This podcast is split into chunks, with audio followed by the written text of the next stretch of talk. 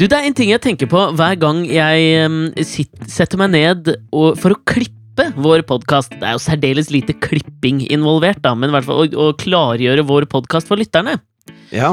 Uh, og det er jo Når vi setter oss ned sånn uh, Nå sitter vi på, på Skype uh, igjen for å spille inn podkasten, og da er det jo sånn at vi, vi, vi ringer hverandre opp på Skype, og så rett og slett bare begynner vi å prate, ikke sant? Oh, ja. Så det vi alltid på en måte Sånn er det. Er det. Så man ringer hverandre opp med Skype, altså. Hva gjør man da? Men jo, med fare for å virke litt overforklarende, så kjøper jeg, så kjøper jeg forklaringen din. Ja ja, ok. Vi gjør det på Eh, Skype, altså vi ringer hverandre opp, og så prater vi med hverandre. Ja, men jeg veit da faen, jeg. Undervurder ditt publikum alltid. Jeg vet ikke. Nei, La oss si det, at det noen er har sagt så imot. Det er så imot. Mm. Og det syns jeg TV-bransjen har gjort Det syns Ja. jeg TV-bransjen har gjort i alle, alle år. ja. Eh, kanskje med unntak av Sa programlederen på Kakekrigen og Alt for Norge. Ja, men jeg, jeg prøver å løfte kakekrigen til et nivå hvor jeg ikke under... Er sant! Hør han har kongstanker, da! Jeg prøver å løfte Kakekrigen til et nivå jeg, jeg ser mener jo jeg ser jo forskjell på uh, altså, uh, Nymphomaniac med Lars von Trier og Kakekrigen, liksom, når det gjelder hvor ambisiøst man er på det kunstneriske innholdet. Uh, Ja, men, jo, men, eh, men, men, men, men du skal jo ikke si noe sånn Lars von Trier, altså snakk om altså sånn undervurdere eller ikke. Jeg føler at kvalitet og kunstneriskhet har ikke noe å gjøre med hvorvidt du undervurderer publikummet ditt. Nei, det, Me- det har det ikke nødvendigvis. Altså, Ikke det kommer an på hvor du ligger, da. Eh, altså, det kommer an på hvor Lars von Trier ligger. Det kan godt hende han overvurderer publikummet sitt, og så ligger han bare ikke så høyt selv, på en måte. Ja, det kan godt være. Og, men la oss si at det sånn i ni av ti tilfeller så vil jeg jo si at, eh, at uh, Lars von Trier eh, på en eller annen måte står som et symbol for noe som har høyere kunstnerisk verdi enn eksempel Kakekrigen. Det må jeg få lov å si. Ja, det er det jeg også mener. At, Ja. at jeg skal ikke påberope meg å være noe Altså det, det Lars von Trier gjør for seriøse skuespillere som knuller på film Mm. Jeg føler ikke at jeg har gjort det for kaker, hvis du skjønner. Ja, det, er du sikker på det? Men kanskje jeg gjør det når koke, kakeboka Heter det kakebok? Kokebok? Eh, det, dette her ville jo vært en kakebok, da, men det heter vel vanligvis kokebok. Ja, men jeg koker jo ikke kaker. Du kan ikke kalle det en kokebok. Nei, men det er vel på en måte samlebetegnelsen for alle bøker som dreier seg om oppskrifter, er det ikke det? Jo, et innbundet oppskriftshefte om baking. Så det jeg driver og tenker på her, det Ja.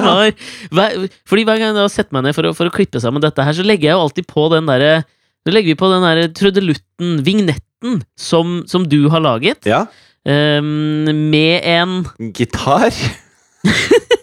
Ja, men du lagde jo dette som en slags sånn test av en eller annen gitar, Stratocaster, Fender, ja, det, ja, det er en Les Paul. Og det, det, Les Les det er en Paul. slags hyllest til mannen bak Les Paul, altså han som het Les Paul. Ja, ikke sant? Du, du, du, det fins ikke noen gitar som heter More Paul? Nei, det gjør det Kan jeg få ikke. litt More Paul? Å, se her nå! Nå begynner det å sitte! Standupen for, seg. for en gitarist så var det der en dad joke ut av ville helvete. Altså, det, var, det var en dårlig vits, Alex. Ja, den var dårlig. Nei, vet, vet du hva? Jeg, fordi hver gang jeg setter meg ned uh, og klipper podkasten, så tenker jeg på en anekdote. Og så tenker jeg alltid ja, fader, dette, denne her kan jeg liksom bringe opp til deg i, i podkasten. Så glemmer jeg det hver gang, fordi når vi sitter og spiller inn dette, her, så hører jo ikke vi denne, denne vignetten vi lager først. Nei. Men, men den anekdoten er om, eh, om Brian Eno. Hva, hva, hva har vi på Brian Eno? Eh, produsent, eller? Ja, han starta, han starta vel karrieren sin som syntspiller i Roxy Music, det fantastiske bandet med, med Brian Ferry eh, i spissen, kan vi vel si. Ja. Starten av Tror du de 70-tallet. kalte hverandre for Brian F og Brian E? Sånn som man gjør på skolen, vet du, hvor man har sånn Christian K og Christian P. Jeg vil jo tro at når noen har et så kort etternavn som Eno, så, så ble han kjent som Eno, og Brian Ferry ble kjent som Brian. Eller Ferry. Eller Ferry! Kanskje det. Men jeg mener, har ikke, har ikke Jeg mener at Brian Eno har tatt, i hvert fall om han ikke er fra fødselen, så har han et sånt helt sjukt langt navn.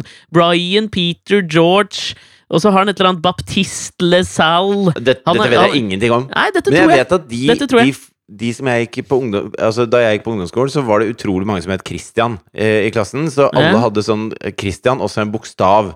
Så man var liksom på Christian L og Christian P. Altså alle hadde en sånn bokstav. Ja, ja. Og jeg tenker fremdeles på dem som det. Skjønner du? ja, ikke sant? Så hvis jeg hadde møtt, hvis jeg hadde møtt dem, så hadde jeg sagt 'hallo, Christian P'. altså, det hadde, vært, det hadde ligget helt i kjeften på meg, da. Uh, jeg vil tro at Ferry ligger på samme måte i munnen til Brian Eno. Helt sikkert. Men faen, ja, men faen, jeg mener han, Han gikk vel videre til type sånn sent 70- eller kanskje tidlig 80-tall. Jobba mye med, med Bowie på to eh, gode skiver. Gjorde vel med David Byrne fra Talking Heads. Lagde mye. Han er jo en, en legendarisk, legendarisk musikkprodusent. Altså, jeg visste jo ikke at Ja. han hadde spilt synt i Roxy Music engang, jeg. Men jeg har aldri hørt på Roxy Music heller. Men jeg, jeg Nei, kjenner men- han jo som produsent. Har du ikke hørt på Roxy Music? Nei, men jeg, er ikke sånn, eh, jeg kan ikke si tre låter av Roxy Music. Nei, du kødder. Men jeg har sikkert hørt de låtene når du skal til å si dem nå. Det ser jeg på huet ditt. more than this. Ja, ok. Nei, men fordi det, det som vi vel er, Som produsentmessig Nå kan det hende at det er er I'm going out on a limb, men jeg mener vel at Brian Eno er skaperen av sjangeren ambient. Kan ikke det stemme? Altså Flyplassmusikk er vel det på en måte Brian Eno gjorde seg kjent som å være den første som skapte. Musikk som kan pågå i bakgrunnen uten at det forstyrrer deg altså musikk som ikke krever oppmerksomhet. Altså en musikalsk Grandiosa, på en måte. Ja, jeg tror Brian Eno på en måte coina Jeg tror han coina den sjangeren. Heismusikk. Nå kan dere ja, det tror jeg absolutt, men jeg tror han lagde mye musikk til flyplasser. Okay. Eh, tilbake til. Er det ikke litt det samme fingeren de driver med med det der firmaet sitt? Ja, Livecube heter det, som nå ble solgt for flerfoldige millioner kroner til et svensk selskap. Ja, Fingeren starta dette her. Men det, det, Nei, mer! 14! Nei, jeg tror det var 10. Eh, okay. uansett penger eh, Moods of ja. Norway kunne trengt akkurat nå. for de er konk. de er konk, ja. ja. Men jeg tror ikke han har en finger med i spillet på Moods of Norway. Så er det like bra dad joke ja, var, som jeg More Jeg syns den var grei. Altså, vi, skal vi bare ta en bitte liten digresjon der på Moods of Norways konkurs? Er det bare meg? Ikke sant? Nå starter standup igjen. Er det bare meg, eller er det overraskende at de ikke har gått konkurs før? Nei, jeg har trodd hele tiden at det har gått så jævla bra, jeg. Det kom litt sånn overraskende på meg da jeg så det i avisa i dag, at Moods of Norway har konkurs. Altså, De har liksom Ja, men- gjort det så bra i LA, og de har sånn concept stores overalt, og da, da føler man at det går på skinner. Ja, men gjør man egentlig det? Jeg får den følelsen med en gang av at nå bruker vi penger for å tjene penger. Og det tenker jeg jo liksom sånn, ja, det er sikkert en lur idé noen ganger, men i klesindustrien med traktorer på, på skjorteermet, så er det aldri lurt, tenker jeg. Jo, men altså øh, Jeg Det er jo lenge siden de hadde disse klovnedressene sine, og sånn som de først ble kjent for, på en måte. At all, i alle, det det i alle bryllup altså- det var i, så måtte det komme en eller annen i sånn kort, kortbuksedress. som en slags, ja. en slags sånn Per Sundnes wannabe. Eh, måtte komme Men det inn var jo det Simen Stålnakke, altså gründer og designer av, i Moods of Norway, en av halvparten i Moods of Norway, han gifta seg jo i kortbuksedress. Selvfølgelig gjør han det. Men, men jeg syns jo at de klarte å løfte seg ut av det, da, og lage mange eh, fine klær etter hvert. 100% uenig i det du sier. Ja. Jeg føler at Moods of Norway har samme forhold til på en måte blomsterdressene som du har til å fortsatt kalle Christian for Christian P. Ja, men det kan godt hende at du har rett. I og med at de nå er konkurs, så tror jeg nok flere er på lag med deg enn med meg akkurat der. Ja, jeg tror det, altså. Men tilbake til Brian Ena, da. Så eh, var det vel i 1994 eh, så skulle eh, Microsoft lansere Windows 95. Ja, De, de gjorde Eh, ikke det i ettersom 94. De gjorde det i 94? Ja, men hør nå, da! I Ja. 1994 så ble han kontakta av Microsoft fordi de skulle lansere Windows 95. Å ja, Og da, ok. hvis du Så skal Windows lansere den- 95 ble ikke lansert i 94? Ja, men hør nå! Nei, den blei jo ikke det! Men når du skal lansere noe som Microsoft på den tiden var Lillehammer jo 94 var ikke 93, på en måte. Nei, det var ikke det. Ok, greit. Det var ikke det. Men ehm, eh, de kontakta jo da Audi Quattro har ikke trehjulstrekk. Jeg skal gi meg nå. Sitter bare og tenker på sånne da. Ja, men tror du den Mr. Bean-bilen er en eh, Trio? Altså Audi Trio? Nei, jeg skal, nå skal jeg Ja. virkelig gi meg. Fy faen. Jeg tror det. Au! Jeg hadde skrudd av den podkasten her hvis jeg hadde vært deg som hører på nå. Nei, det hadde ikke jeg, for du er jo spent på, du lytter, hva Brian Eno har med Microsoft å gjøre. Eller kanskje dette er allmennkjent. For meg var det i hvert fall en anekdote jeg hørte for litt siden som jeg syns var utrolig spennende. Utrolig er kanskje å ta i, men den er i hvert fall innhold. Ja, Ok. Um, eh, året er 1994. Lillehammer-OL. Altså, det bruser i Norge. På den andre siden av dammen sitter Brian Eno hjemme og kanskje mikser noe ambient music, og får en telefon fra Hva faen het han igjen, da? Han derre tjukke med skalla Ja, uansett. Tenker du på en av verdens rikeste menn? Nei, men det var vel ikke Bill Gates Uh, som Var ikke han mer sånn Ja, hva skal vi si? Ja? Det var jo han som var mannen bak Microsoft. Ja, men han, hva het han tjukke uh, hypemanen hans, som er så kjent fra det legendariske klippet hvor Microsoft, på alle Microsofts lanseringer, så er det han som løper rundt og drar i gang publikum og gjør uh, forgjengeren til T5 PC-løftetaket-håndbevegelsen. Du veit hvem jeg Altså, prater om! Vi har snakka om det i podkasten før! Jeg vet ikke hvem det er. Er det, er det liksom Hans Truls Nebel? Altså Vi skal trekke det Ja, over i på mange TV-bransjen? måter. Ja, på mange måter. Det er han som er publikumsoppvarmer på alt fra Senkveld til Idol og alt mulig. Nå hadde jeg skrudd av podkasten! Men hva har det med Les Paul å gjøre? Fordi Brian Eno blir bedt om å lage åpningslyden til Microsoft Windows 95. Ja, Som jo eh, er en eh, sånn monetær Det er jo en gullgruve, ikke sant? Eh, ettersom han eh, si, Får han royalties hver gang noen åpner en Åpner Windows 95? Nei, det må jo være ved salg. Altså Han tjener ikke en cent hver gang noen skrur på datamaskinen. Det, det hadde vært rått. det hadde vært rått. Men det er uansett kult, fordi da, da Jeg tenker jo som musiker, du kan lage Dette kan du sikkert relatere deg til. At du, du Man lager vel, eller kunstnere generelt for den saks skyld, da. Man lager vel eh, noe man håper kan sette et fotavtrykk i historien. Ja, jeg tror alle har en ambisjon om det. Når de på en måte Altså, når man gjør noe, hvis man gønner 100 på med et eller annet som er innenfor de, de grenene der, da, de kunstneriske grenene, så har man jo lyst til at det skal funke, liksom. Ja, Om det er Kakekrigen eller Nymphomaniac, det spiller ikke noen rolle. Man vil gjøre det så bra som mulig. Ja. Til og med, Ja. Jeg tror til og med eh, vår kjære venn Kjell Gabriel fra Infinity hadde lyst til at det skulle sette et fotavtrykk, på en måte. Og det har de jo på mange måter gjort. Ja, ja, de kjører rundt med Wheel of the 90s-show som er stinn brakke på overalt, de. Og, og det har funka. Det er kjempegøy for dem. Absolutt. Og så kan man eh, på samme måte vurdere da, ikke sant, om det er på en måte en eller annen slags kunstnerisk fotavtrykk, eller om det er en slags ironisk fotavtrykk det gir. Men det spiller en jo, rolle. Det spiller jo ingen rolle. Jeg blir jo irritert av folk som lager musikk som kaller seg selv for kunstnere. Det, det blir jeg irritert av. Ja, det har vi, har vi faktisk dekket i behørig grad før. Mm. Brian Eno, ekstremt kompatibel med å kalle seg selv kunstner. Nei, det føler jeg ikke. Jeg føler at han er Mener du? Ja, altså, produsent, Det å være en god produsent er å være en god psykolog. For at da, Ja. da er det ikke deg selv som skal skinne, da skal du få det beste ut av de du produserer. Det er det som Mhm. er å produsere noen, på en måte. Eller, ja, nei, det Ja. var kanskje å dra ordet, betydningen av litt langt. Men, men det er jobben din, da. Så hvis han er en har... av verdens største, mest vellykkede produsenter, så er han jo ekstremt flink til å få andre til å skinne, og da er det ikke han som er eh, kunstneren på den måten. Han er fasilitatoren. Men merker du at du i forlengelsen av den tanken der har mindre respekt for artister som på en måte Litt sånn Susanne Sundfør-artister som skal produsere seg sjøl? Nei, overhodet ikke. Altså, det syns jeg er helt, eh, helt innafor. og, og jeg syns det er helt innafor å ha produsent også. Det, det spiller egentlig ingen rolle. Så det, men, men hvis jeg forstår dette riktig, så vil det jo egentlig da si at, Jeg har litt mindre respekt for de som ikke skriver sine egne låter. De som bare kommer inn i studio, og så velger de mellom 30 låter, så velger de 10 av dem, og så har de laget en ny plate, liksom. Det har jeg ikke så bunnløs respekt for, kjenner jeg. Nei, men det er mer kompatibelt å produsere seg selv om man er Lars von Trier, enn om man er Kakekrigen-general. Eh, det, ja, det vet jeg ikke. Det kommer helt an på hva man sikter etter Nei, jeg vet faen, men det, det, gir, det gir kanskje en eller annen følelse av mer kunstnerisk kvalitet om du eh, liksom altså, Susanne Sundfør, ja, hun produserer sin egen skive. Var den forrige skiva si, gjorde hun ikke det? For første gang produserte hun sin egen skive. Så har, før det så har det vært en av de to brødrene fra Jagaya sist. Hva heter dem igjen? Horntvedt-gutta. Ja, det var han Lars Horntvedt som produserte skivene før det, var det ikke det? Det kan godt stemme. At du føler at det kommer en eller annen slags for nytt kunstnerisk nivå når du liksom hører ordene Ja, nå produserer hun det sjøl òg. Eller er det bare en slags sånn følelse Nei. for oss utenforstående i musikkbransjen? Jeg tenker at det er mye vanskeligere å produsere seg sjøl. I alle innspillinger så står du med tusenvis av valg hele tiden. Du må treffe masse, masse valg. Og hvis du ikke har noen som du stoler like mye på som deg selv, da, som er der sammen med deg, som du kan spare med, og som du kan treffe en beslutning sammen med, så blir det hele greia mye vanskeligere.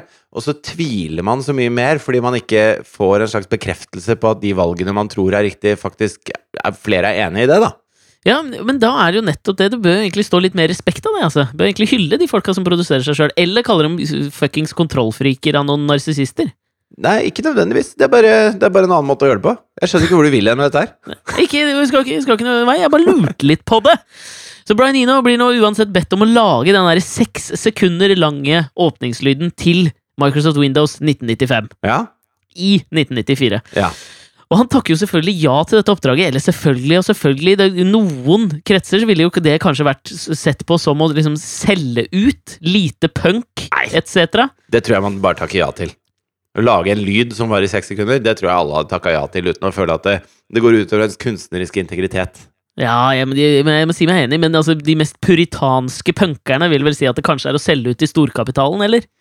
Nei, ja, kanskje. Jeg vet da faen, jeg. Nei, men uansett, altså. Det var hele poenget Du prøver, med denne du prøver å fiske masse sånne brannmeninger ut av meg om ting jeg ikke mener en dritt om. Ja, det å produsere sjøl er vel helt krise. Nei, vet du, det har ikke noen mening. Jeg føler at jeg her sitter med en nål inn i på en måte hovedpulsåra til Altså den bankende pulsåra til hele musikkindustrien. Jeg vet ikke hvorfor jeg plutselig fikk den følelsen med deg, men nå gjorde jeg det.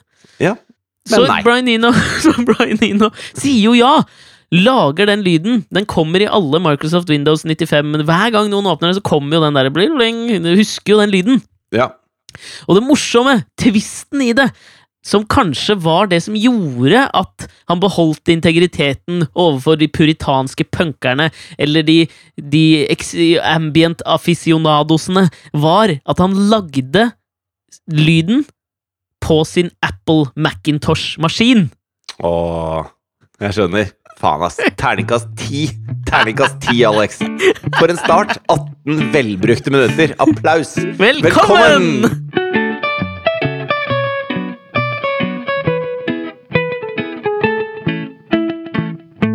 Men du kan ikke, du kan ikke uh, med huet i behold uh, tro at vi ikke skal svinge innom Espen Ottosens kronikk i Aftenposten etter at jeg har name-droppa Christopher Hitchens i halvannet år i denne podkasten. Men eh, altså, jeg leste den kronikken. Du sendte meg jo tekstmelding. Les kronikken til Espen Ottoesen. Eller var det skrivefeil? Det var bare skrivefeil. Tastaturet mitt funker ikke okay. på telefonen. Ottesen. Eh, Ottosen, tror jeg han heter. Han er vel er han leder i Misjonsforbundet? Hva faen ja, er han? etter, han Hva er i hvert fall en religiøs fyr, da. Og hans poeng med hele artikkelen, eller kronikken, er jo Informasjonsleder i Misjonssambandet er han. Ja, ikke sant? Det er en jeg ikke er ute etter informasjon fra i utgangspunktet. Men uansett, så hans poeng da er at eh, alt som fins av etikk og moral i samfunnet, eh, fungerer så lenge samfunnet er velordnet. Da trenger man ikke forankre det i noe annet enn mennesket selv. Eh, Men i det øyeblikket det begynner å skrante, da så eh, Sånn som han tar som eksempel når det kommer en eh, orkan innover Texas så trenger man å forankre det i noe annet enn menneske og, og juss og lovgivning og, og me menneskekonstruerte konsepter. Da trenger man å forankre det i Gud for at folk skal holde seg i skinnet. Eh, og eh, hvis jeg bare kan si min sånn umiddelbare take på det, Ja. så er jo det at eh, hvis han er så har så liten ryggrad at han begynner å slå inn vinduer og stjele hvis han ikke føler at noen følger med, så skjønner jeg at han trenger å føle at Gud følger med til enhver tid. Men det er ikke derfor jeg ikke stjeler hele tiden. Jeg stjeler ikke fordi jeg eh, er, er så redd for å bli tatt. At hvis jeg ikke kunne Hvis jeg hadde visst at jeg ikke hadde blitt tatt, så hadde jeg stjålet. Altså, eh, jeg har flere ganger så Han trekker jo sånn eksempel om at hvis du finner en tusenlapp på gata, og ingen eh, noensinne vet at eh, du har tatt den opp, da trenger man Gud til å komme fram med pekefingeren, ellers så tar man den tusenlappen. Bruker han som eksempel. Jeg mener nei, og det mener jeg har opplevd mange ganger. Også fordi at eh, jeg har mista lommeboka mi veldig mange ganger. Alltid fått den tilbake. Folk er snille. Altså, og og hvis, du har, hvis du har etikk og moral i ryggraden din, så trenger du i hvert fall Jeg mener at det, det som er karakterløst, er å måtte uh, ha Gud som du tror passer på deg til enhver tid, som gjør at du ikke gjør feil ting. Da mener jeg at da har ikke du etikk og moral. det er noen andre som har prenta det inn i deg. Dette er egentlig en uh, veldig, veldig fascinerende debatt, tenker jeg. Da jeg leste den første, første gang, den har jeg lest mange ganger den, de seneste dagene, for jeg ble ordentlig, sånn, jeg ble ordentlig irritert første gangen. Uh, og så har jeg lest den igjen, og så har jeg på en måte kommet fram til at jeg syns det er helt suverent at måte Espen Ottosen trer ut i lyset og, og tar opp dette for da kan vi liksom med rette diskutere det med folk som tror på en gud, da. eh, hvis, vi ta, hvis vi skal problematisere det litt og tale Espen Ottosens sak eh, i noen minutter Spørsmålet er jo, hvis du er ateist, kan det da altså Si at vi hadde levd i en helt ateistisk verden. Hadde vi da hatt en eller annen slags form for referanse for no, det som er godt? Altså Som gjør at vi kan si at noe er godt? Uh, utenfor, uten at liksom vi som mennesker har lagt vår subjektive oppfatning oppå det gode. Selvfølgelig Altså- hadde vi det! Altså, Ja, eh, ja, det er litt for Jeg mener det er for enkelt å si et uomtvistelig ja på det jo, der. Fordi vi vil ha hadde vi det. Nå, men, må jeg bare stoppe deg et bitte lite sekund.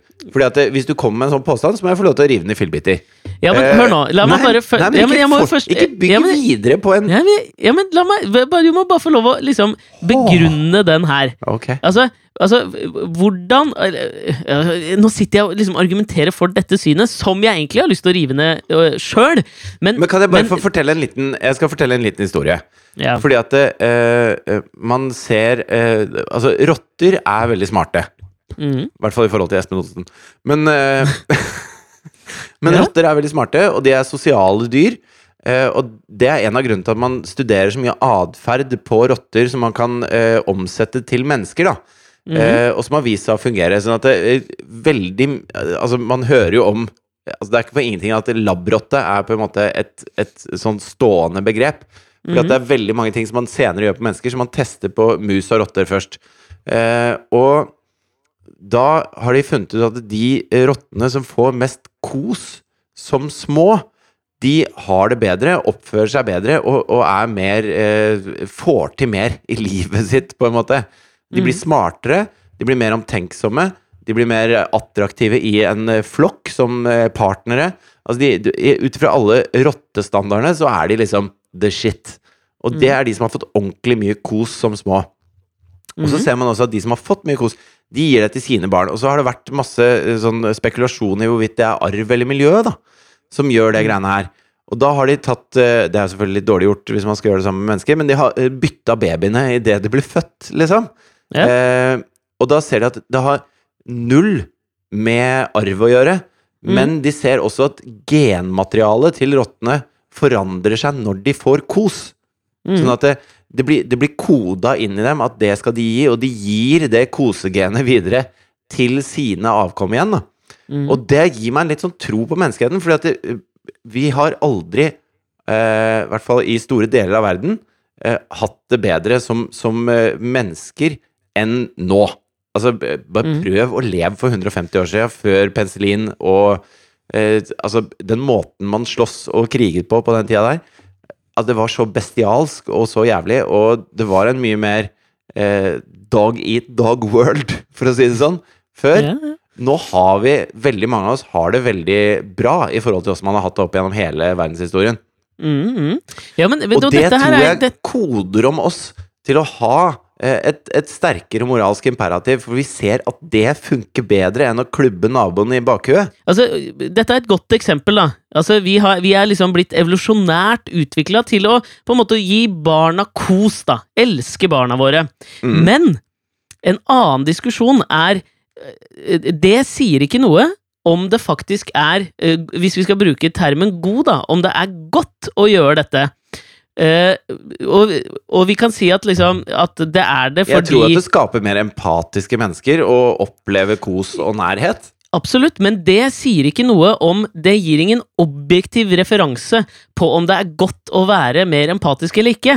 For hvis du skal utlede det du sa nå, da Hvis du skal si ja, men hvorfor er det i på en måte Hvorfor er det moralsk? Fordi vi er flokkdyr, og det er til flokkens beste at vi ikke klubber hverandre i bakhuet, men at vi finner ut av ting. Jo, men det er ikke moral! Selvfølgelig er det moral. Nei, men altså, du må finne en Altså sånn Altså, Det kategoriske imperativ er det eneste regelen du trenger. Du skal gjøre mot andre som du vil at andre skal gjøre mot deg. Og det var ikke Gud som kom opp med den regelen der. Det har man funnet ut eh, Det tror jeg mennesker fant ut lenge før de fant opp en gud. Ja, men, men nå, hvordan nå snakker jeg som en altså- veldig ateist her, men eh, Ja, ja, ja men men det, er, det er greit. Men, men det er veldig mange uh, forskjellige oppfatninger av hva god er. Ja. I, i, I Norge så er vi på langt vei enige med hverandre om hva som er godt. ja. I Kina har de en helt annen oppfatning av hva på en måte begrepet god er, da.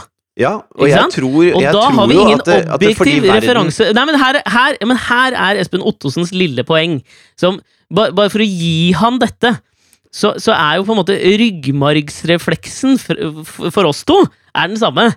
Og det er, dette er forbanna bullshit. Ja. Men vi må jo altså sånn, Dette er Platon har slitt med dette her. Nietzsche har jo for faen slitt med dette her. Jo, men jeg det føler er at du gir Espen Ottosen. Ottesen for mye kred her nå. Fordi at det, det han Nei, men snakket Espen om Ottosen er ikke, den, er ikke han som har kommet på denne her ideen. Dette er en eldgammel filosofisk problemstilling. Ja, og jeg som føler liksom ikke at det er den han er snakker om en engang. milliard gang smartere enn oss Ja. ikke har klart å finne et svar på. Og det er jeg helt enig i.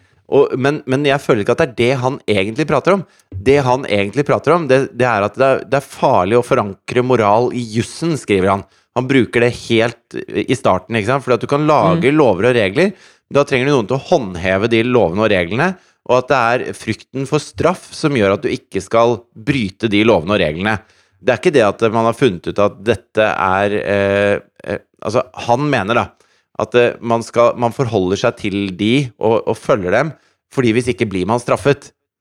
Og det er på en måte Gud sitt eh, primærvirkemiddel også. At hvis du ikke gjør som jeg sier, så går det til helvete med deg. Samme som eh, Mm. norske lover på en måte sier, da. Mm. Og det skjønner jeg at hvis han er vokst opp igjen sånn at Husk på at du blir fulgt med på hele tiden, og hvis du ikke gjør det riktig, så går det til helvete. Hvis det er på en måte motoren din, da, så Mhm. skjønner jeg at han føler at han trenger en gud. Og det er det han snakker om. Han, han kan ikke forstå hvordan det er å ikke ha en gud som følger med på alt du gjør. Han skjønner ikke hvorfor ikke man bare da, eh, hvis man ikke blir tatt for det likevel, ikke gjør noe faenskap. Ikke sant? Fordi at det, hele Ja. hans oppvekst har bestått i at det, han tror at han blir passa på, og derfor gjør han ikke de gale tingene. Mens min oppvekst er helt motsatt. Eh, ikke helt motsatt. Det er veldig mange av de samme tingene man ser på som riktig og galt å gjøre. Men, men det er ikke frykten for å bli tatt som gjør at eh, det, er, det er mer at det er det som er riktig å gjøre. Og nå skal ikke jeg påstå at jeg er noe sånn som alltid Nei, nei, gjør alt men- men som er riktig.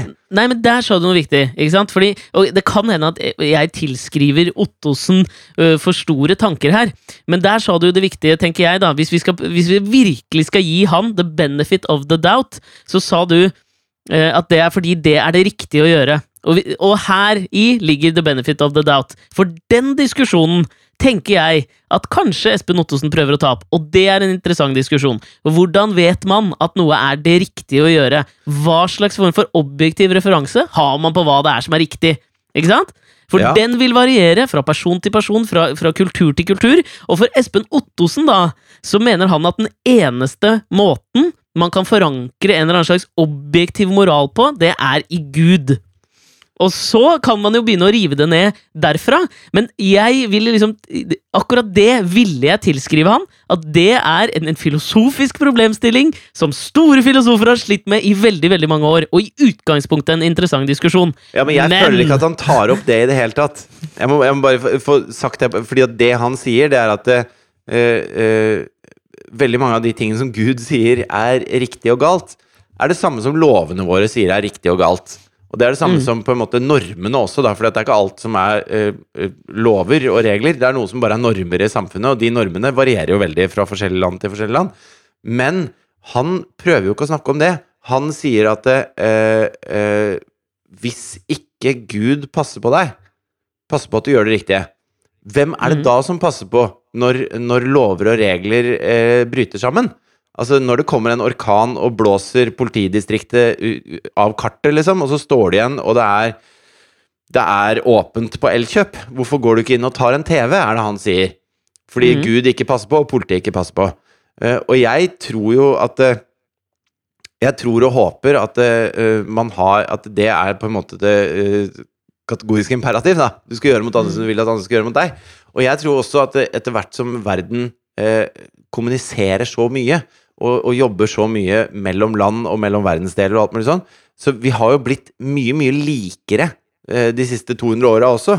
Altså hvis du ser på eh, For 200 år siden så var det helt normalt at hvis du hadde en diktator av en enehersker, så var alle helt for at barnet til den, den tolvåringen til kongen, skulle overta som sjef. Han var best kvalifisert til det, for han var tross alt barnet til kongen. Og så har man jo eh, eh, beveget seg siden det, da. Eh, og nå har den vestlige verden har en slags sånn ens tankegang. Og så har de skrevet Genévekonvensjonen og menneskerettigheter og ikke sant? Man har masse ting som forsøker å stedfeste på en måte, Dette syns vi er riktig og galt når vi jobber sammen i fellesskap. Og så er det flere og flere som eh, skriver under på dette her. Og så etter hvert så blir man likere og likere i hva som er verdier og normer, og hva som er rett og galt og sånn. Og det trenger ikke å komme fra Gud, eh, selv om Gud sier veldig mye av det samme, og Gud forresten ikke fins.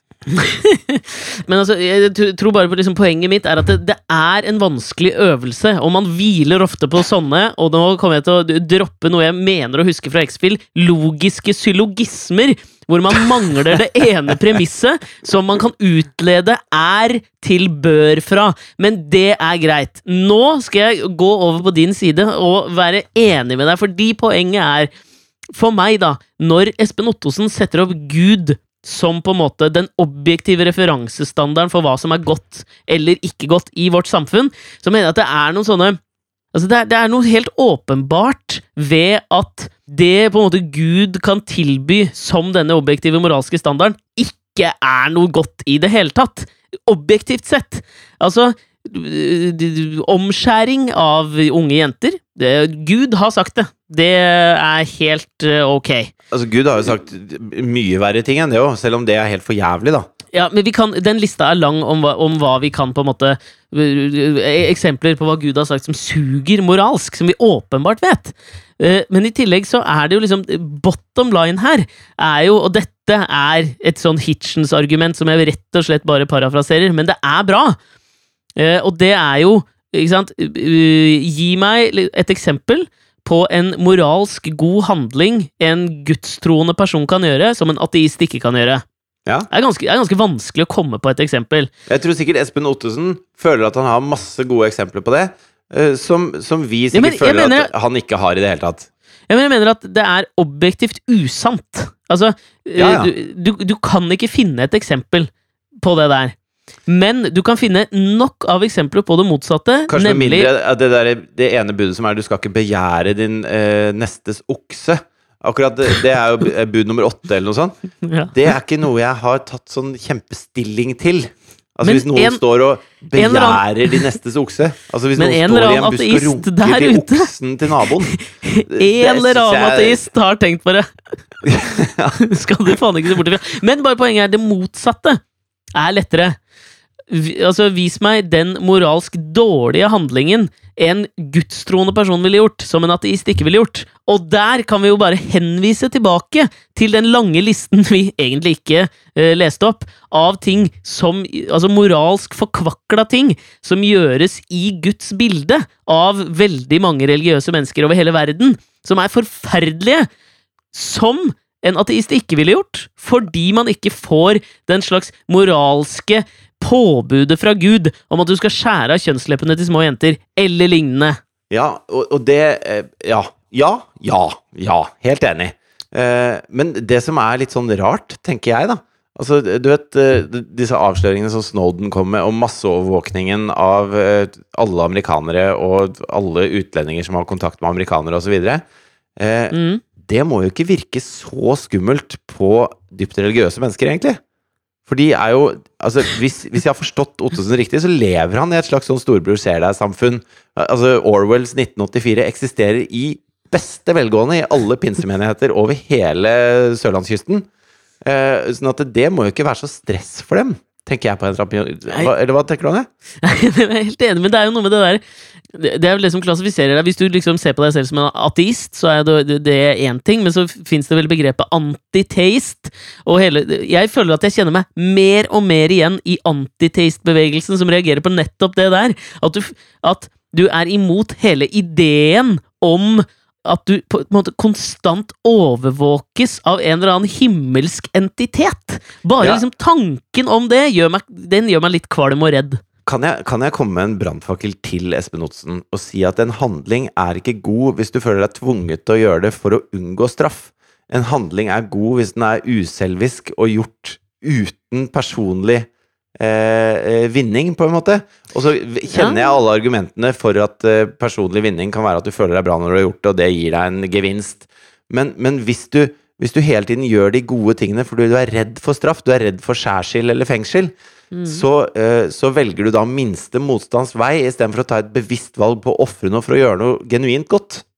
Ja, det er helt enig. En fin, fin avslutning på det. Jeg har lyst til å bare dra veksel på en ting som jeg også må tenke på, at Espen Ottosen går og tenker ganske ofte, og det er når jeg hørte et intervju med han Penn Gillette, hvis du kjenner til han, kanskje mest kjent som magiker. Og Ja, for meg trodde jeg han enten fant opp pennen eller barberhøvelen. Jo, ja. Bic Gillette. Big Gillette. Nei, men han er vel mest kjent som uh, den ene halvparten av magiker- eller illusjonistduoen Penn og Teller, som oh, ja. nå vel har Altså, de har vel nå et av verdens mest suksessrike TV-formater, som går ut på en slags sånn magikernes idol, hvor unge, håpefulle magikere kommer inn på scenen og skal overbevise da Penn og Gillette med sitt triks, og hvis de ikke skjønner det, så på en måte Ok, du går videre. Ja, Hvis ikke de Um, kan si 'nei, nå gjorde du sånn og sånn og sånn'. Ja. Ja. Hvis de blir imponerte og liksom Ok, ja, men den kjøper vi. Så, så er du videre til neste. neste så er du videre til Oslo! Ikke sant?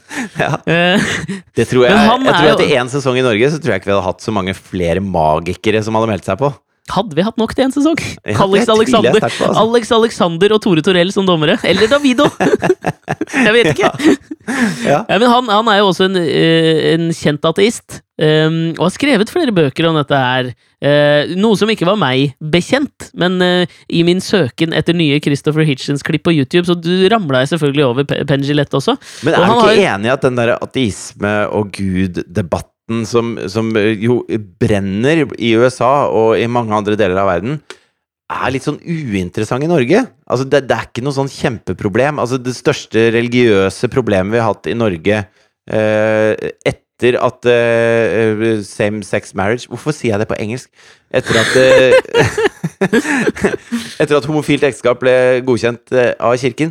Den største krangelen vi har hatt siden da, er vel om K-en skal være i KRLE eller ikke? Ja, det var vel også en eller annen slags form for reservasjonsrett fra noen leger på abort oppi, oppi den lille Jo, men- gryta der. Men det var, vel ikke, det var vel ikke noe som så ut som det kom til å skje med det første? på en måte Det var ikke sånn at Ja, jo Nei, var det det?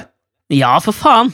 I så fall trenger jeg å bli litt sånn eh, på etterskudd forbanna for akkurat det. Ja, men, men det er nettopp det du sier nå. Det er derfor jeg virkelig sånn omfavner egentlig at Espen Ottosen går ut og skriver denne kronikken. Det er derfor jeg har lyst til å liksom på en måte gi han the benefit of the doubt. Bare for å på en måte få han på kroken, fordi dette er noe jeg har lyst til å diskutere. Jeg elsker det!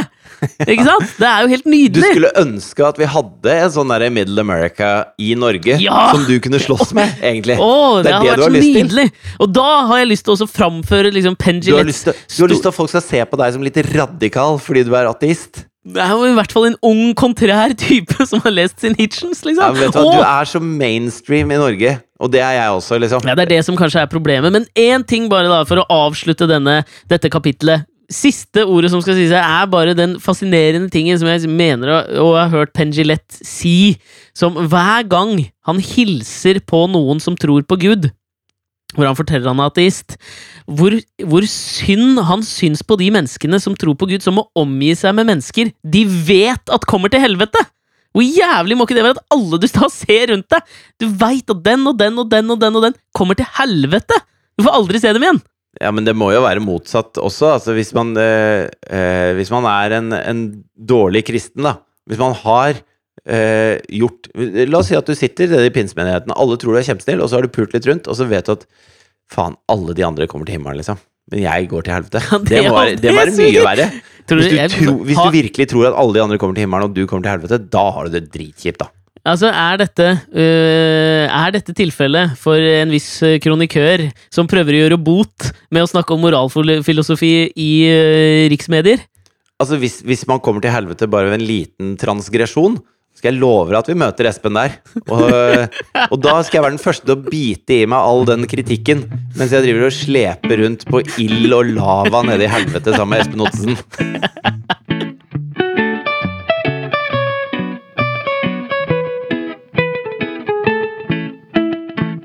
Før vi avslutter denne uka, så må jeg jo si takk for sist. For, for første gang på Når var det vi starta denne podkasten? Starta vi i 2012? Ja. Før det hadde vi jo kjent hverandre i hvert fall et år. 2011. Vi har kjent hverandre lenge. Mange, mange år. Ja. For første gang så, så hadde vi på lørdag en parmiddag. En god gammeldags parmiddag. Ja, det føles jo etablert og voksenpoeng ting å gjøre. Det føles jo som noe som er eh, altfor, altfor sent, med tanke på hvor godt vi kjenner hverandre, og, og Ja, ja. hvor hyggelig eh, dama di er, og så videre. At, Ditto. at vi burde jo fått til det for evigheter siden. Ja, men jeg, jeg har jo da noen små betraktninger gjort i løpet av den kvelden som jeg bare ville dele med deg før vi avslutter i dag. Kan jeg bare få si først og fremst at eh, Mhm. dette med at du har blitt vegetarianer eh, Unnskyld, pesketarianer. Har ikke Takk. bremsa den eh, spiseforstyrrelsen din noe særlig. I og med at du lå på gulvet og ikke fikk puste fordi du hadde spist så mye mat. At du bare forsvant ut og åt risotto etter eh, hovedretten til du ikke kunne stå på beina. Du holdt på å kaste opp, du.